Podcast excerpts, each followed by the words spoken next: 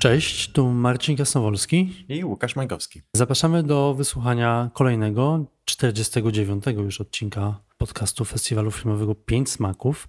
Witamy Was w lecie i w związku z tą porą roku chcemy poruszyć temat, który wydaje nam się w jakiś sposób wpisuje się czasowo właśnie w ten okres, który mamy, dlatego że skończyły się, skończyła się ważne festiwale europejskie. Czekamy teraz na pokazy tych filmów w Polsce. Skończyło się właśnie Cannes, wcześniej Rotterdam. Będziemy rozmawiać dzisiaj o związku kina azjatyckiego właśnie z festiwalami europejskimi, dlatego że ten związek się zacieśnia tak naprawdę i Europa ma w jakimś sensie bardzo duży wpływ na kino azjatyckie. Historycznie myślę, że warto przypomnieć to, że to właśnie festiwale tak naprawdę odkryły dla Europy kino azjatyckie, kiedy jeszcze obieg kultury był zupełnie inny, nie było wiadomo internetu, ale nawet telewizja była jeszcze w powijakach, to właśnie festiwale były tymi bramkami, przez które te filmy azjatyckie do Europy wpływały. Tak, zdecydowanie. Kiedyś rzeczywiście te festiwale troszeczkę nam odkrywały, przybliżały twórców. Myślę też, że samo pojęcie kina azjatyckiego, do którego pewnie jeszcze się odniesiemy w dalszej części odcinka, jest właśnie taki termin, który mam wrażenie, że festiwale sobie troszeczkę ukuły w takim kontekście, że trzeba było jakoś wyodrębnić to kino na tle kina europejskiego, na przykład to Asian cinema, no właśnie zaistniało na festiwalach filmowych.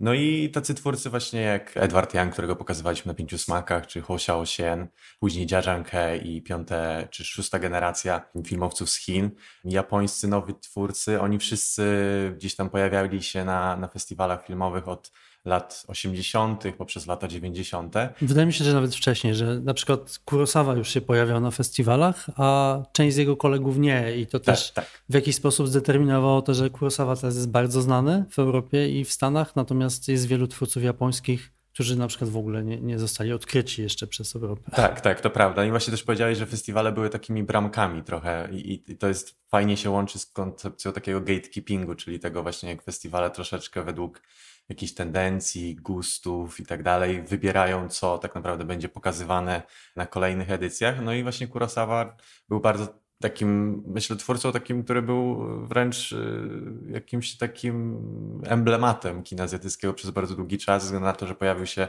w Wenecji, y, Rashomon wtedy wygrał w 50 czy 51 roku I, i ten film był bardzo długo takim odnośnikiem na to, czym może charakteryzować się kino azjatyckie. Co ciekawe, y, w tym roku w Cannes jedną z nagród zdobywa film wyreżyserowany przez Hirokazu Koreedę, który jest bardzo mocno porównywany do Rashomona poprzez swoją właśnie taką wielowątkową, wieloperspektywiczną narrację. Kilka postaci, oczyma którymi poznajemy świat i, i rzeczywistość. No i właśnie krytycy bardzo chętnie przyszpilili, dali tę łatkę po prostu o współczesny Rashomon ukazujący jakąś monstrualność, bo tytuł to Monster, monstrualność systemową w tym przypadku, osadzoną już współcześnie, a nie w jakiejś rzeczywistości przed wiekami. Tutaj akurat Koreda dostał nie tyle ona, jego współscenarzysta Yuji Sakamoto otrzymał nagrodę za scenariusz, właśnie jako uhonorowanie tej wieloperspektywicznej narracji. Więc to jest też ciekawe, że gdzieś tam zaczynamy tym Kurosawą, który zdobywa nagrodę za Rashomona, a tutaj Koreda i, i Sakamoto zdobywają nagrodę za scenariusz za Monster. Jednym słowem, Europa i właśnie te festiwale w jakiś sposób kreują od dekad naszą wizję tego, czym jest kino azjatyckie.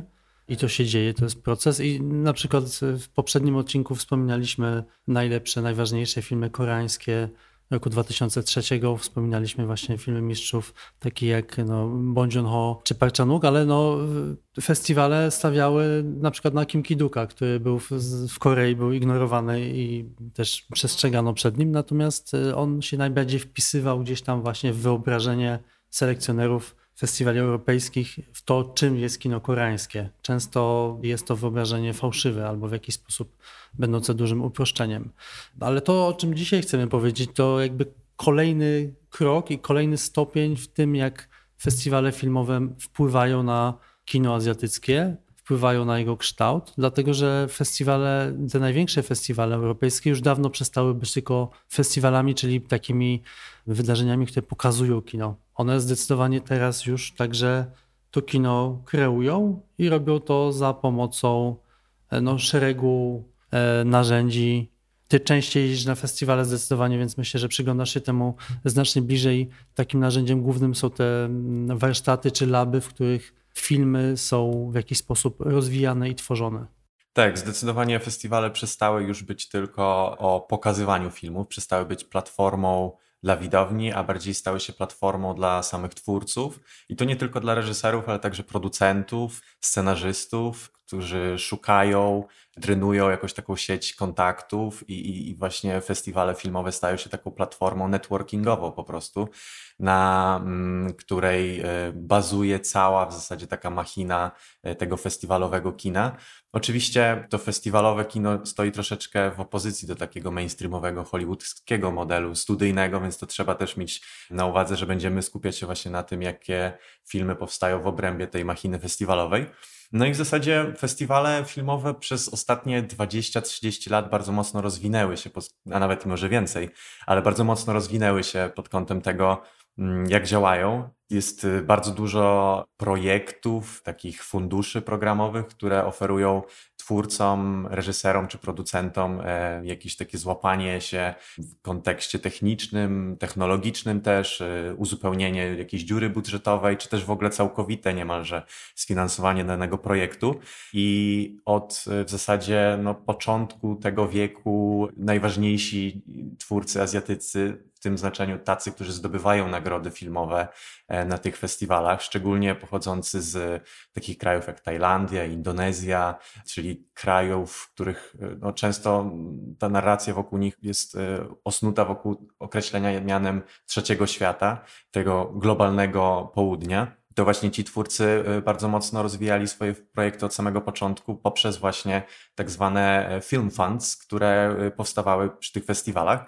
A Picha Ponquera Setakul jest takim twórcą, który od samego początku w zasadzie finansował swoje, swoje filmy w ten sposób, no i jest też y, twórcą, który ewidentnie wyznaczył jakiś trend, nie tylko ze względu na to, że, że odniosły te filmy sukces, ale, ale także właśnie, że, że to był jakiś nowy model e, finansowania tego kina azjatyckiego, ale także przez to, że jego język był na tyle e, specyficzny i charakterystyczny, że, że stał się jakimś takim właśnie, powiedzmy na to, idealnym y, przykładem, jak, jak można tworzyć kino, jak można kreować kino ale o tym jeszcze troszeczkę pewnie powiemy w dalszej części odcinka.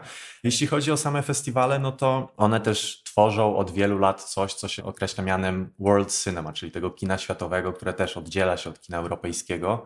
To jest takie sformułowanie, które właśnie zostało niejako zapoczątkowane przez krytyków, badaczy, żeby właśnie określić to, w jaki sposób to kino, nie tylko azjatyckie, ale też latynoamerykańskie, afrykańskie, jest tworzone właśnie za pomocą tych, tych funduszy y, festiwalowych i jak właśnie niejako Europa ma wpływ na to, jak te filmy ostatecznie wyglądają.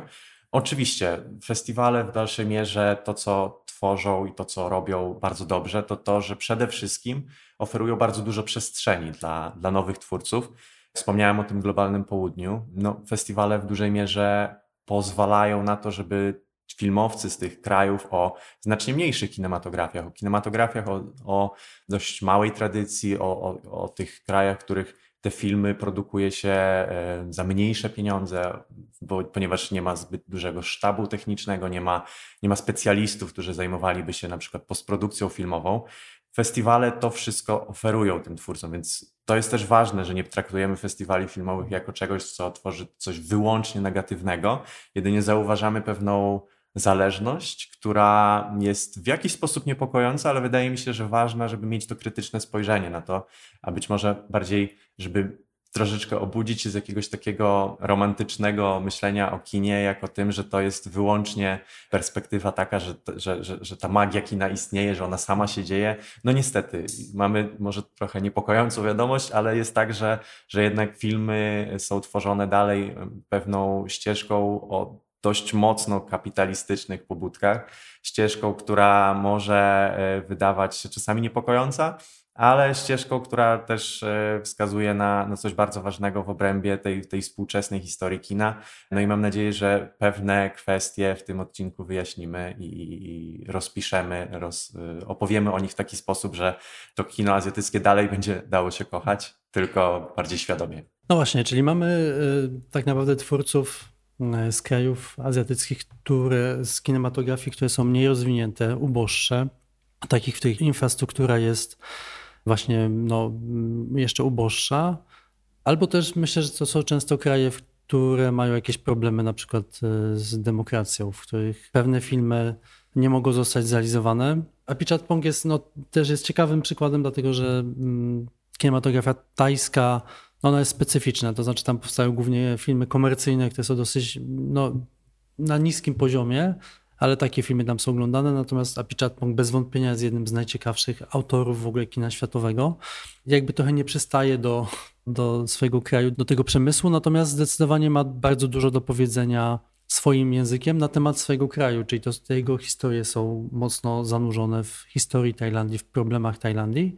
Dla niego no, wydaje się, że jedynym wyjściem właśnie jest szukanie pieniędzy poza swoim krajem w Europie i no, zanim jeszcze w ogóle powiemy, czy to jest zjawisko negatywne czy pozytywne, no Prawda jest taka, że gdyby nie pieniądze na przykład z, z Francji, to Apichat Bank prawdopodobnie by tych filmów w ogóle nie zrealizował one by nie powstały. Natomiast y, może powiedzmy, zanim przejdziemy właśnie do wartościowania, jak to się odbywa, to znaczy skąd ci twórcy biorą się na festiwalach, jak wygląda praca nad y, ich projektami. No bo to jest tak, że oni przyjeżdżają z różnych krajów, reprezentują pewne lokalne punkty widzenia i kultury, natomiast spotykają się z ludźmi z Europy, którzy pracują z nimi nad tymi projektami, którzy mają no, bardzo określone myślenie o kinie i ci ludzie, którzy są opiekunami tych projektów, no oni nie znają się na, głęboko na kulturach właśnie azjatyckich, natomiast w jaki sposób te projekty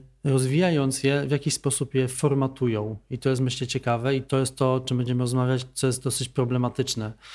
To znaczy, tak jak wspomniałeś, że jest to, to world cinema, te filmy oglądając je jesteśmy w stanie dosyć szybko się zorientować, że one prawdopodobnie były w jakiś sposób konsultowane w Europie. To znaczy, to nie są filmy europejskie oczywiście, ale też nie są filmy całkowicie lokalne. To jest bardzo ciekawe. Tak, tak. Często jak y, to tak z perspektywy właśnie też programerów, jak, jak rozmawiamy sobie o jakichś filmach, to mówimy, że jakiś film jest wygładzony. To jest takie, mm. takie troszeczkę hasło klucz już wewnętrzny dla nas, ale właśnie mamy to wtedy na myśli, że widać, że ten film przeszedł jakąś drogę, w której pierwotny pomysł został już tak wielokrotnie zmieniony i uformowany do takiego stopnia, że, żeby ta historia wydawała się uniwersalna.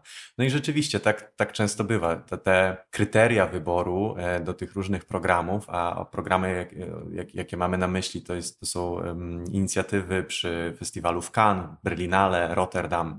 Um, można takie programy znaleźć też e, w Torino, w Locarno. No, tych inicjatyw, inicjatyw jest naprawdę dużo i te wszystkie kryteria są otwarte. To nie jest jakaś wielka tajemnica. Oczywiście każdy z tych programów nieco się różni, ale w dużej mierze chodzi o to, żeby właśnie wpisać się w pewnego rodzaju klucz, wpisać się w pewnego rodzaju tendencje. To jest ten aspekt troszeczkę niepokojący w tym mhm. wszystkim, że właśnie to jest troszeczkę robienie filmów pod pewien, pod pewien klucz, a może inaczej, to jest szukanie historii pod pewien klucz. I tak też te filmy właśnie bardzo często mm, nie mogą być zbyt lokalne. Mhm. Nie mogą. Um... Znaczy, powinny być lokalne, ale niezbyt lokalne. Tak, Czyli tak. jednocześnie powinny mieć sobie coś uniwersalnego. To prawda. Uniwersalnego w znaczeniu takim, żeby zachodni, domyślę, odbiorca mógł zarezonować z tym. Oczywiście. Filmem. Więc to jest właśnie bardzo, bardzo ciekawy kontekst, że e, szukamy czegoś uniwersalnego, ale właśnie domyśle zachodniego. A najlepiej, żeby gdzieś to jeszcze wszystko było spięte jakąś takim myśleniem magicznym, tym lokalnym kolorytem związanym z jakimiś wierzeniami na przykład, e, czy z jakimś magicznym realizmem. No takich filmów wiele powstawało przez ostatnie w zasadzie 20 lat. Te filmy często były oparte na jakiejś takiej ekspresji gatunkowej też. To jest idealne, kiedy film jest bardzo społeczny, z jednej strony gdzieś jakiś magiczny, a najlepiej jeszcze, żeby właśnie był kryminałem czy, czy thrillerem, żeby to wszystko jakoś e, no, renegocjować warunki tego, co gatunkowe kino może w ogóle nam przynieść. No bo stwarza to okazję do tego, żeby rzekomo przewietrzyć jakiś kanon.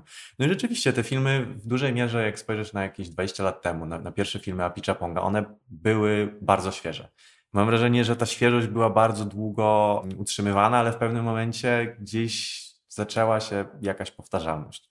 No i w tej powtarzalności no, ciężko jest wyłuskać coś ciekawego dla, dla widowni. E, mam wrażenie, że te filmy zaczęły się trochę kopiować, że, że wiele z tych e, historii troszeczkę działa na zasadzie jakiegoś takiego echa. Oczywiście e, są to filmy nieraz bardzo ważne dla, dla lokalnych historii, w sensie nie odbieram im tego, że, że taki film, który powstaje w Tajlandii czy w Indonezji, że on może być niezwykle ważny dla lokalnej społeczności, ponieważ jakaś historia zostaje w końcu mhm. usłyszana opowiedziana też w taki sposób, żeby ta lokalna widownia, czy też widownia na, na całym świecie mogła z tym się jakoś połączyć, zespolić. I to jest niezwykle ważne. Z jednej strony właśnie mamy, mamy istotę tych projektów, ale z drugiej strony mamy właśnie coś takiego, co jest dla mnie jakąś taką tendencją, którą patrzę raczej właśnie z takim krytycznym okiem, ponieważ tak naprawdę to, na czym e, opierają się te projekty, to jest gremium osób, które wybiera te projekty, więc mamy ekspertów z zachodu, którzy tak naprawdę przyglądają się pewnym pomysłom, pewnym historiom ale mm, właśnie wybierają je, to co im się podoba. Nie tyle nawet wybierają to, co im się podoba, ale później zaczynają ingerować, więc dlatego te historie, te, te, te scenariusze zaczynają później troszeczkę siebie kopiować albo właśnie wpadać w coś takiego bardzo powtarzalnego. Tak, tylko dodam, to jest bardzo ważne, że no te projekty są rozwijane w ramach właśnie tych programów i to jest bardzo długi proces. Znaczy, to zajmuje zazwyczaj parę lat. To nie jest tak, że pojawia się młody artysta, ma pomysł i dostaje kasę i go kręci, tylko to jest coś, co jest rozwijane często też y, w mm, obrębie paru takich funduszy. Także to, jest, to są scenariusze, które przechodzą przez bardzo dużo rąk i tak jak mówisz, to jest gremium osób, które no, mają swoją wizję kina y, i pewnie też startują w stosunku do tego artysty, mają pewną przewagę, taką, że oni mają pieniądze i oni mają tą eksperckość e, i w jakiś sposób formują tych artystów. Tak, tak. To te projekty w zasadzie na przykład, jeżeli pomyślimy o takim funduszek Hubert Balls Fund, który jest realizowany już od lat 80. przy, przy, przy, okazji właśnie festiwalu w Rotterdamie, to ta lista tych projektów jest w zasadzie dostępna. Można zauważyć, że mniej więcej średnio realizacja takiego filmu od momentu zaakceptowania tego projektu do właśnie ukończenia to jest tak 3 do 4 lat. Są projekty, które były zaakceptowane mniej więcej w 2020 roku, już w tym roku są ukończone. Takim projektem jest y, film, który w Cannes teraz zdobył nagrodę dla najlepszego debiutu, wietnamski Inside Yellow Cocoon Shell w reżyserii Phama Tienana. I, I ten film, e, no właśnie chyba był przed dwoma, trzema laty zaakceptowany, w tym roku został ukończony. Przepiękny film, ale właśnie taki film, który bardzo mocno wpisuje się w te tendencje kina arthouse'owego, bo często to kino arthouse'owe właśnie azjatyckie, mam wrażenie, że ono bardzo mocno jest właśnie wpisane w jakiś taki schemat, że, że, że trudno też w obrębie kina arthouse'owego coś nowego. Czy ten film niósł coś nowego, to nie wiem. Myślę, że trochę, trochę na pewno pod kątem wielu rzeczy, ale, ale na pewno jest też wiele innych filmów, które mam wrażenie, że kopiuje wiele, wiele kwestii, które już zostało wypracowanych przez poprzednich twórców. Ale w gruncie rzeczy sprowadza się to troszeczkę do tego, to o czym też powiedziałeś, że no właśnie, eksperci z globalnej północy tworzą warunki dla filmowców z globalnego południa, więc jest to jakaś forma oczywiście neokolonialnej, postkolonialnej praktyki, jakaś może nawet forma orientalizacji kina, ze względu na to, że jeżeli zauważymy, jakie filmy są produkowane, to często pojawiają się te same tematy. Indonezja jest takim właśnie bardzo żyznym, mam wrażenie, gruntem. Gruntem, w którym, no właśnie, mamy e, w zasadzie kraj idealny do tego, żeby, żeby tworzyć tego typu historie, bo kraj, który ma historię kolonialną, kraj, który właśnie jeszcze, co taki paradoks troszeczkę wychodzi z tego, został skolonizowany przez Holendrów, którzy teraz dają fundusze mhm. w formie właśnie tego funduszu z Rotterdamu na to, żeby te historie się pojawiały w, właśnie w obrębie Indonezji, historie, które miałyby opowiadać o czymś lokalnym. No i napotkałem taką w ogóle tabelę z różnymi filmami, które były zrealizowane na przestrzeni od między 2011 a 2014 rokiem i to jest lista około 7-8 filmów i w zasadzie każdy z tych filmów traktuje o bardzo podobnych tematach. O stracie, o samotności, o tym, że jednostka najczęściej w pojedynkę szuka kogoś bądź czegoś, Często to jest dziecko, które jest porzucone przez kogoś, albo obraz po prostu cierpienia, rozpaczy, jakiś taki zapis rutyny dzień po dniu, jak jakaś społeczność sobie nie radzi z rzeczywistością. I to, co jest taką właśnie specyfiką tych projektów, że one forsują pewien obraz Indonezji jako kraju rozpaczy i nędzy tak właśnie troszeczkę rozumiany w oczach e, zachodnich ekspertów, o których powiedzieliśmy. Oczywiście no, wśród tych twórców i twórczyń mamy znakomite nazwiska, które także pojawiały się na pięciu smakach. Mamy Camila Andini na przykład, w ten sposób zaczynała swoją drogę. Mamy mm, Muli Surię, która też w ten sposób zaczynała swoją karierę filmowczyni. Czy Edwina, którego filmy też pokazywaliśmy na pięciu smakach, więc jakby to są ważne e, projekty, bo one, o tym sobie jeszcze do końca nie powiedzieliśmy, dają warsztat filmowcom, dają im też jakąś sieć nowych kontaktów. To, że stworzą jeden tego typu projekt, który właśnie może jakoś trywializować pewien obraz kraju albo, albo turować pewnym tendencjom, nie oznacza, że ich następne filmy nie będą właśnie przez to, że, że udało im się zdobyć te fundusze po raz pierwszy, te następne filmy mogą być lepsze, więc tutaj jest taki troszeczkę miecz obosieczny w tym momencie, bo mhm. mamy z jednej strony zwiększenie umiejętności reprezentacji kina z danego kraju, a z drugiej strony właśnie jakieś, jakieś zwiększanie albo jakby podtrzymywanie takiego stygmatyzującego obrazu danego kraju w obrębie właśnie reprezentacji filmowej. Ale no, na pewno ta kwestia tych, tej promocji jest tutaj myślę, że większym plusem niż, niż minusem. Nie, no na pewno, to znaczy właśnie, bo tak skupiliśmy się trochę na minusach, które zdecydowanie my możemy oceniać już jako oglądając dziesiątki filmów w selekcji, możemy teoretyzować, ale kolejka młodych twórców, którzy chcą się dostać na te warsztaty i chcą mieć w ogóle dostęp do, do tych ekspertów i do tych funduszy, jest bardzo długa i tak naprawdę to, że oni zostają wybrani, to jest dla nich wielkie szczęście. I no, to jest, wiadomo, przygotowanie takiego projektu, takiego wniosku przez producentów czy przez twórców to jest tak naprawdę miesiące pracy. Więc no, jest to mm, tak, no myślę, że z punktu widzenia artystów oni nie myślą o tym, że ktoś ich formatuje, tylko chcą mieć szansę powiedzenia tego, co im, że tak powiem, leży na sercu, czy tej historii, którą wymyślili.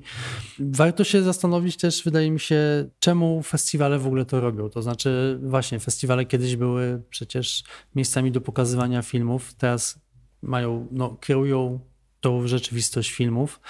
To jest tak, że te programy są drogie, to są duże pieniądze. W ogóle produkcja filmowa jest bardzo kosztowna, nawet e, filmów e, no, tak, arthouse'owych to są setki tysięcy dolarów co najmniej. I no, z jednej strony jest trochę tak, że to jest biznes oczywiście, to znaczy wypromowanie twórcy arthouse'owego takiego, który gdzieś tam właśnie jego wizja gdzieś tam przefiltrowana przez tą europejską wrażliwość, jeżeli to chwyci, to to są pieniądze, to jest zysk. To jest jedna rzecz. A druga jest taka, że festiwale w ten sposób, tutaj użyję brzydkiego słowa, hodują sobie swoich twórców. To chyba działa tak od dłuższego czasu. To znaczy, konkretnie twórcy, jeżeli już się pojawią na danym festiwalu, a bardzo często pojawiają się właśnie dzięki tym warsztatom czy funduszom, zostają już z festiwalem i swoje kolejne filmy pokazują na tym jednym festiwalu. Oczywiście selekcjonerzy czekają na te kolejne filmy. E, żeby móc je pokazać. Tak to jest. Każdy duży festiwal ma w swojej stajni jakąś no, grupę twórców. To nie jest do końca ładne myślenie o artystach w ten sposób, ale tak to działa. Tak, tak to działa i jakby nie jest to ładne określenie, ale myślę, że to jest dość brutalnie dobrze podsumowujące określenie, bo rzeczywiście, jeżeli spojrzeć na to, jak niektóre programy działają, no to jest to, jest to hodowla twórców w takim znaczeniu, że Kan jak zaprasza jakichś swoich nowych twórców w kontekście tych właśnie funduszy, czy w kontekście jakichś warsztatów e, w ramach programu Atelier Cine Fondation, czy Residence. To są programy, które no, jakby ich specyfika jest wręcz na jakiejś płaszczyźnie uroczo naiwna, a z drugiej strony jest wręcz dosadnie pokazująca, jak, jak właśnie ta hodowla wygląda. W takim znaczeniu, że oni oferują stypendium na życie w Paryżu, oferują bezpłatny dostęp do wszystkich kin w Paryżu, do jakichś właśnie wydarzeń kulturalnych. No i tam mają też dostęp do sieci francuskich ekspertów, reżyserów, producentów, scenarzystów, więc od takiego poziomu właśnie e, edukacyjnego mają już tak naprawdę wpływ na to, kto i jak i gdzie będzie odbywać e, jakieś, jakieś ćwiczenie, jakieś warsztaty i ten proces edukacyjny będzie przebiegać tak naprawdę na ich warunkach. A później, e, jeżeli zrobią film, to ten film oczywiście będzie się ukazywał na francuskim festiwalu, domyślę, e, na festiwalu w Cannes. I to jest y, bardzo ciekawa kwestia, bo mm, jest takie sformułowanie właśnie przez badaczy tych, tych y, studiów festiwalowych, tak zwanych festival studies, które mm, określone zostało mianem French Global Cinema, czyli globalne kino francuskie w takim troszeczkę szyderczym tonie, ze względu na to, że no właśnie mówimy o globalnym kinie, ale mówimy o kinie globalnym wyprodukowanym niejako przez, y, przez sieć francuskich wpływów i napływów. I to jest już szczególnie właśnie taka neokolonialna praktyka, w którym e, właśnie ci wyhodowani autorzy, i tutaj mówię też w kontekście teorii autorskiego kina, Francja słynie z tego, że właśnie ma bardzo mocny nacisk na, na te teorie kina autorskiego, cinema d'auteur i to w zasadzie istnieje od jeszcze przed nową falą i to determinuje tak naprawdę pewien model tworzenia kina. No i właśnie na czym to się opiera w kontekście tych młodych twórców, którzy przychodzą na te warsztaty? Otóż poszukiwani są przede wszystkim reżyserzy, którzy też będą pisać swoje historie, ale oczywiście oni będą troszeczkę tak kontrolowani przez, ten całe, przez to całe środowisko, które te programy wytwarzają. No i dlaczego oni tak bardzo chcą mieć na to wpływ? Bo mm, te filmy później będą sprzedawane w dystrybucji francuskiej, będą sprzedawane globalnie i tak dalej, więc to jest ogromny rzeczywiście biznes. Nawet jeżeli jest to kino, powiedzmy na to artystyczne, to tak czy siak ono przynosi zyski, to ono przynosi rozgłos i po to chcą ludzie wszyscy przyjeżdżać właśnie do Cannes. Cannes, które właśnie forsuje pewien wizerunek kina artystycznego od, od dawien dawna, tylko że w tej chwili to nie są już twórcy, którzy przyjeżdżają ze swoim filmem, który jest na przykład przepięknie zrobiony, nawet przypadkiem właśnie w lokalnym systemie, tylko często to są już filmy, oczywiście nie, nie wszystkie, ale często to są już filmy, które są skrojone na miarę właśnie danego festiwalu, w tym przypadku na miarę Cannes. Więc to jest taki przypadek tworzenia swojej sieci, swoich autorów tak naprawdę, bo nawet dla mnie zawsze takim niesamowitym przykładem są japońscy twórcy, którzy pojawiali się w festiwalu w Cannes przez ostatnie powiedzmy na to 20 lat Koreda jest tym twórcą, który ostatnio stał się takim właśnie pupilkiem Kan.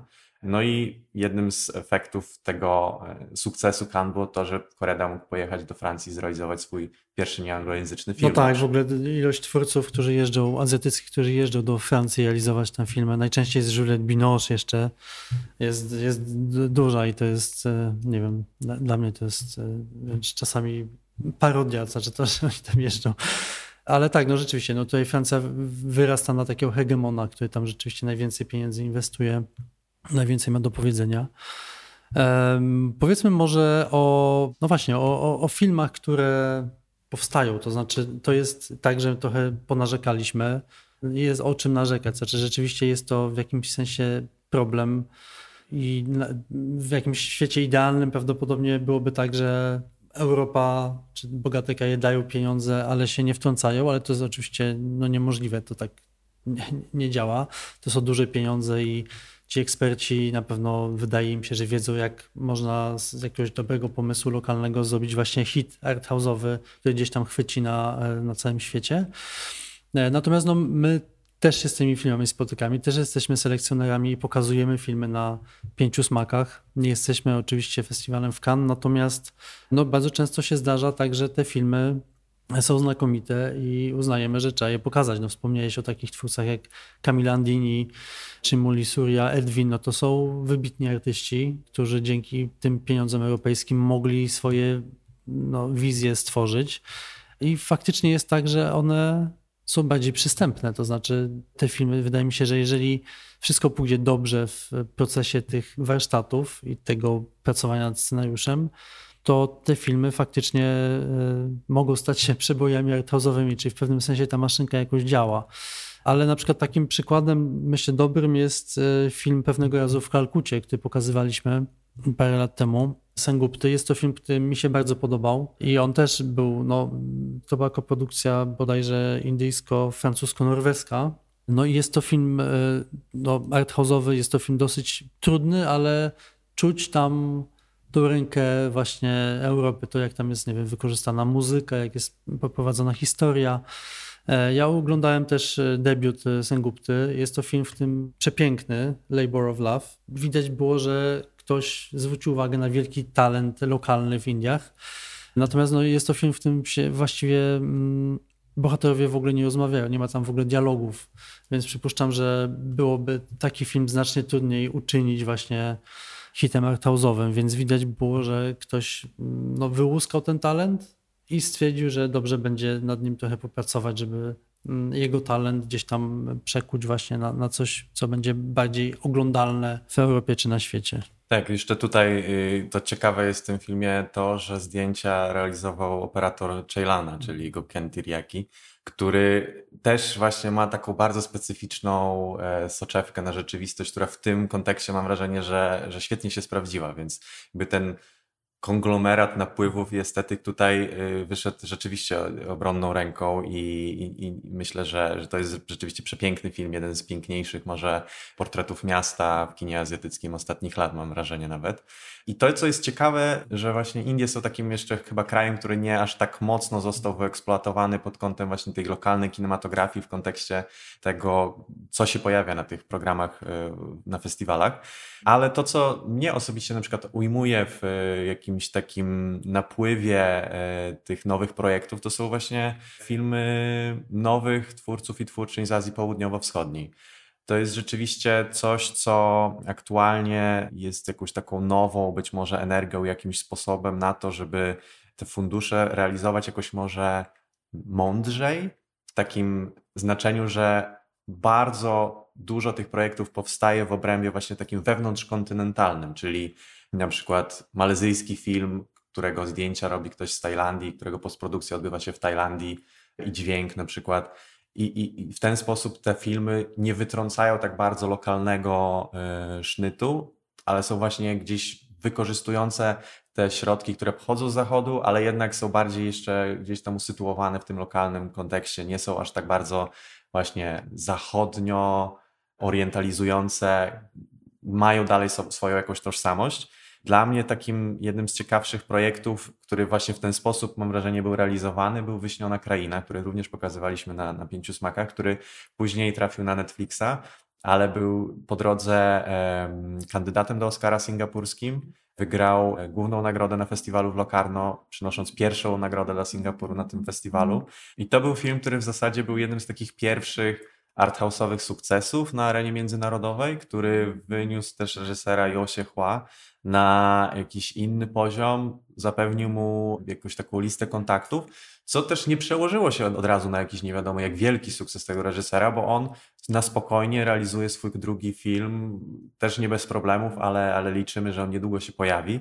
Z tym, że to, co właśnie wypracował dzięki temu filmowi, mam wrażenie, że było czymś naprawdę organicznym, bo jest to film, który opowiada o mieście, o Singapurze, jeszcze mhm. dodatkowo wykorzystuje coś dla mnie w kinie dotąd niespotykanego, czyli taką tkankę gry komputerowej i glicza gry komputerowej, która tak bardzo charakterystycznie działa w obrębie takich właśnie wczesnych lat dwutysięcznych, że ja dalej bardzo ciepło myślę o tym filmie, nawet jeżeli był on realizowany właśnie przez te, przez te programy i jakby ta świadomość tego, że on był właśnie sprofilowany w jakiś sposób zupełnie mi nie przeszkadza, bo widzę, jaką wartość sam w sobie ten film niesie. No właśnie, tak e, już e, kierując się w stronę podsumowań, e, wydaje się, że to zjawisko, o którym mówimy, tworzenia filmów azjatyckich przy pomocy europejskich festiwali na pewno nie zniknie, dlatego że cały czas jeszcze pieniędzy jest znacznie więcej właśnie w Europie i no też twórców, którzy chcą opowiadać swoje historie zawsze będzie bardzo dużo. Jeżeli ktoś daje pieniądze, to te pieniądze oczywiście będą rozchwytywane. Natomiast wydaje mi się, że być może optymistycznie będzie tak, że te kinematografie azjatyckie, te mniejsze, może uboższe, że one jednak łapią wiatr w żagle. Tak wspomniałeś na przykład o Indonezji. No jest to kinematografia, która ma potencjał być wielką kinematografią, to znaczy tam rzeczywiście powstaje coraz więcej filmów, głównie komercyjnych oczywiście, ale widać, że tam powstają nowe kina, Mówi się, że to będzie kolejna duża kinematografia.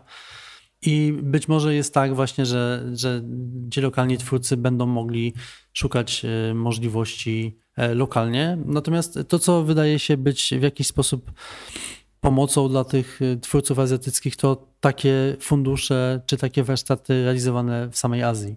Tak jak wspomniałeś, no jeżeli ten fundusz będzie bliżej kraju artysty, to prawdopodobnie to zniekształcenie będzie mniejsze. To znaczy wierzę w to, że na przykład teraz jednym z największych grantów takich właśnie na koprodukcje filmowe w Azji największy jest w Singapurze. Singapurska Komisja Filmowa ma pieniądze na to, żeby realizować koprodukcje, więc wydaje mi się, że dla takiego lokalnego twórcy z Azji właśnie Singapur powinien być pewnie pierwszym krokiem, żeby szukać pieniędzy. I tutaj, jeżeli te fundusze będą się rozwijać, też festiwale azjatyckie rosną w siłę tak naprawdę. Swego czasu było tak, że te festiwale europejskie były największe, ale no, w Azji też mamy coraz więcej dużych festiwali i e, być może Europa będzie wtedy jakimś takim formą ratunku dla tych twórców, którzy na przykład właśnie mają problemy polityczne. Nie wspomnieliśmy, ale e, twórca tego filmu regularnie pokazywaliśmy, czyli Midi Z, jest no, jednym z tak naprawdę niewielu twórców, którzy dosyć e, otwarcie opowiadali o swojej ojczyźnie, czyli o Birmie, Midizet mieszka e, w, na Tajwanie, e, natomiast także te swoje filmy, na przykład Biednych Ludzi czy Drogę do Mandalay, e, opowiadał za pomocą pieniędzy europejskich, więc tutaj wydaje się, że Europa w, w tym przypadku odgrywa bardzo ważną rolę. Ja też swego czasu poznałem na przykład Fudinę, młodego reżysera, który jest Ujgurem i on z jakiegoś powodu Chińczycy pozwolili mu skończyć szkołę filmową w Pekinie, ale potem już musiał uciekać tak naprawdę z Chin i teraz mieszka we Francji i rozwija tutaj swoje projekty, więc dla niego te europejskie pieniądze są no, zbawieniem i tak naprawdę jedynym sposobem, żeby opowiadać o rzeczywistości Ujgurów, co jest bardzo ważne, bo oczywiście w Chinach taka historia nigdy nie powstanie. No właśnie, to, te, te, wszystkie kwestie w ogóle też sprowadzają się do takiego pytania, czym obecnie można nazwać w ogóle kino azjatyckie. Że to, że to jest taki termin, który też tak w naszych dyskusjach programerskich w trakcie wyboru filmów się gdzieś pojawia, bo w zeszłym roku rozważaliśmy taki film Powrót do Seulu. To jest, to jest ciekawy przypadek reżysera Daviego Chow, pochodzącego z Kambodży, dorastającego nomen omen we Francji i, i tam też troszeczkę no w zasadzie mieszka we Francji, ma swoją firmę produkcyjną i tam zapuścił korzenie, ale jakby swoją twórczość widzi w Azji. Pierwszy film zrealizował w Kambodży, więc taki powrót do korzeni, a drugi film zrealizował w Korei Południowej i opowiada taką trochę autobiograficzną historię, tylko na innym gruncie. No i właśnie, większość sztabu technicznego są to albo Francuzi, albo w ogóle Europejczycy. Film jest w języku koreańskim, reżyser jest z Kambodży, mieszka we Francji i gdzie tutaj właśnie dokładna linia, czy to jest kino azjatyckie, czy też nie. I mam wrażenie, że podobna kwestia ma miejsce także w kinie tym tak zwanym Asian American, czyli tych diaspor kolejnych y, pokoleń, które dorasta, które właśnie chce się mierzyć z, jakimiś tożsamościowymi problemami wokół kwestii y, migracyjnych, napływowych, ale w kontekście umiejscowienia w Stanach Zjednoczonych. Więc to jest ciekawe właśnie jak to kino azjatyckie będzie coraz bardziej się zacierać, że to już nie są historie aż tak bardzo lokalne, zrealizowane za lokalne pieniądze, przy jakimś y, lokalnym wsparciu czy rządowym wsparciu, jak w przypadku Ho Xiaoxiana czy Edwarda Younga, którzy zaczynali w ramach pracy dla rządowej firmy tak naprawdę, tylko to są właśnie już filmy twórców, którzy no, mają takie trochę transkulturowe doświadczenie. A Pichapong w zasadzie studiował w Stanach, powrócił do Tajlandii, wykorzystał to swoje doświadczenie, jakiś przywilej też, który za tym szedł i opowiadał historię nowym językiem, który był wytworzony poprzez te wszystkie doświadczenia. To jest język takiego międzynarodowego autora, który właśnie myślę, że też festiwale filmowe bardzo szukają. Takiego bardzo przystępnego, z jednej strony coś noszącego nowego, ale z drugiej strony właśnie coś takiego bardzo mocno zakorzenionego w tym, co już w tym kinie, tej poetyce kina arthouse'owego w ogóle zostało wytworzone znacznie wcześniej. Dokładnie, no globalizacja, świat się staje coraz mniejszy, twórcy szukają możliwości tam, gdzie te możliwości są, a my przygotowując pięć smaków e, zawsze wybieramy dla Państwa filmy, które po prostu są najlepsze naszym zdaniem. I przypuszczam, że także e, w programie 17 edycji znajdzie się przynajmniej jeden film, który no, przeszedł jakąś drogę międzynarodową. Nawet patrzę konkretnie na jeden tytuł, który mam nadzieję, że będziemy mogli Państwu pokazać. Natomiast tak jak mówię, no dla nas najważniejsza jest oczywiście jakość, natomiast wydaje mi się, że ta dyskusja, którą dzisiaj tutaj odbyliśmy, jest ważna, dlatego że Rzadko się bardzo w ogóle o tym mówi, jak działają festiwale filmowe. W Polsce ten temat w ogóle nie jest poruszany, zwłaszcza w kontekście kina azjatyckiego, więc trochę wzięliśmy Państwa do, do kuchni tej produkcji filmowej, która nie zawsze jest ładna, nie zawsze jest do końca etyczna, można powiedzieć. E, natomiast ponieważ e, w grze są bardzo duże pieniądze, no to tak to wygląda. Tak, ale na szczęście kino azjatyckie to nie jest wyłącznie Cannes, nie, jest to wyłącznie Berlinale czy Rotterdam. Nie są to wyłącznie te wielkie festiwale, dlatego zawsze szukamy tych filmów na mniejszych festiwalach. I to jest e, ta ogromna frajda z pracy programera, kiedy się z tego mniejszego festiwalu zdoła coś wyłowić i myślę, że w tym roku nam się to już udało i miejmy tylko nadzieję, że uda się te filmy bezpiecznie do Warszawy w listopadzie przywieźć. Efekty naszej pracy y, już y, w listopadzie, natomiast y, na kolejny odcinek podcastu zapraszamy Państwa za miesiąc. Dziękujemy. Dziękujemy.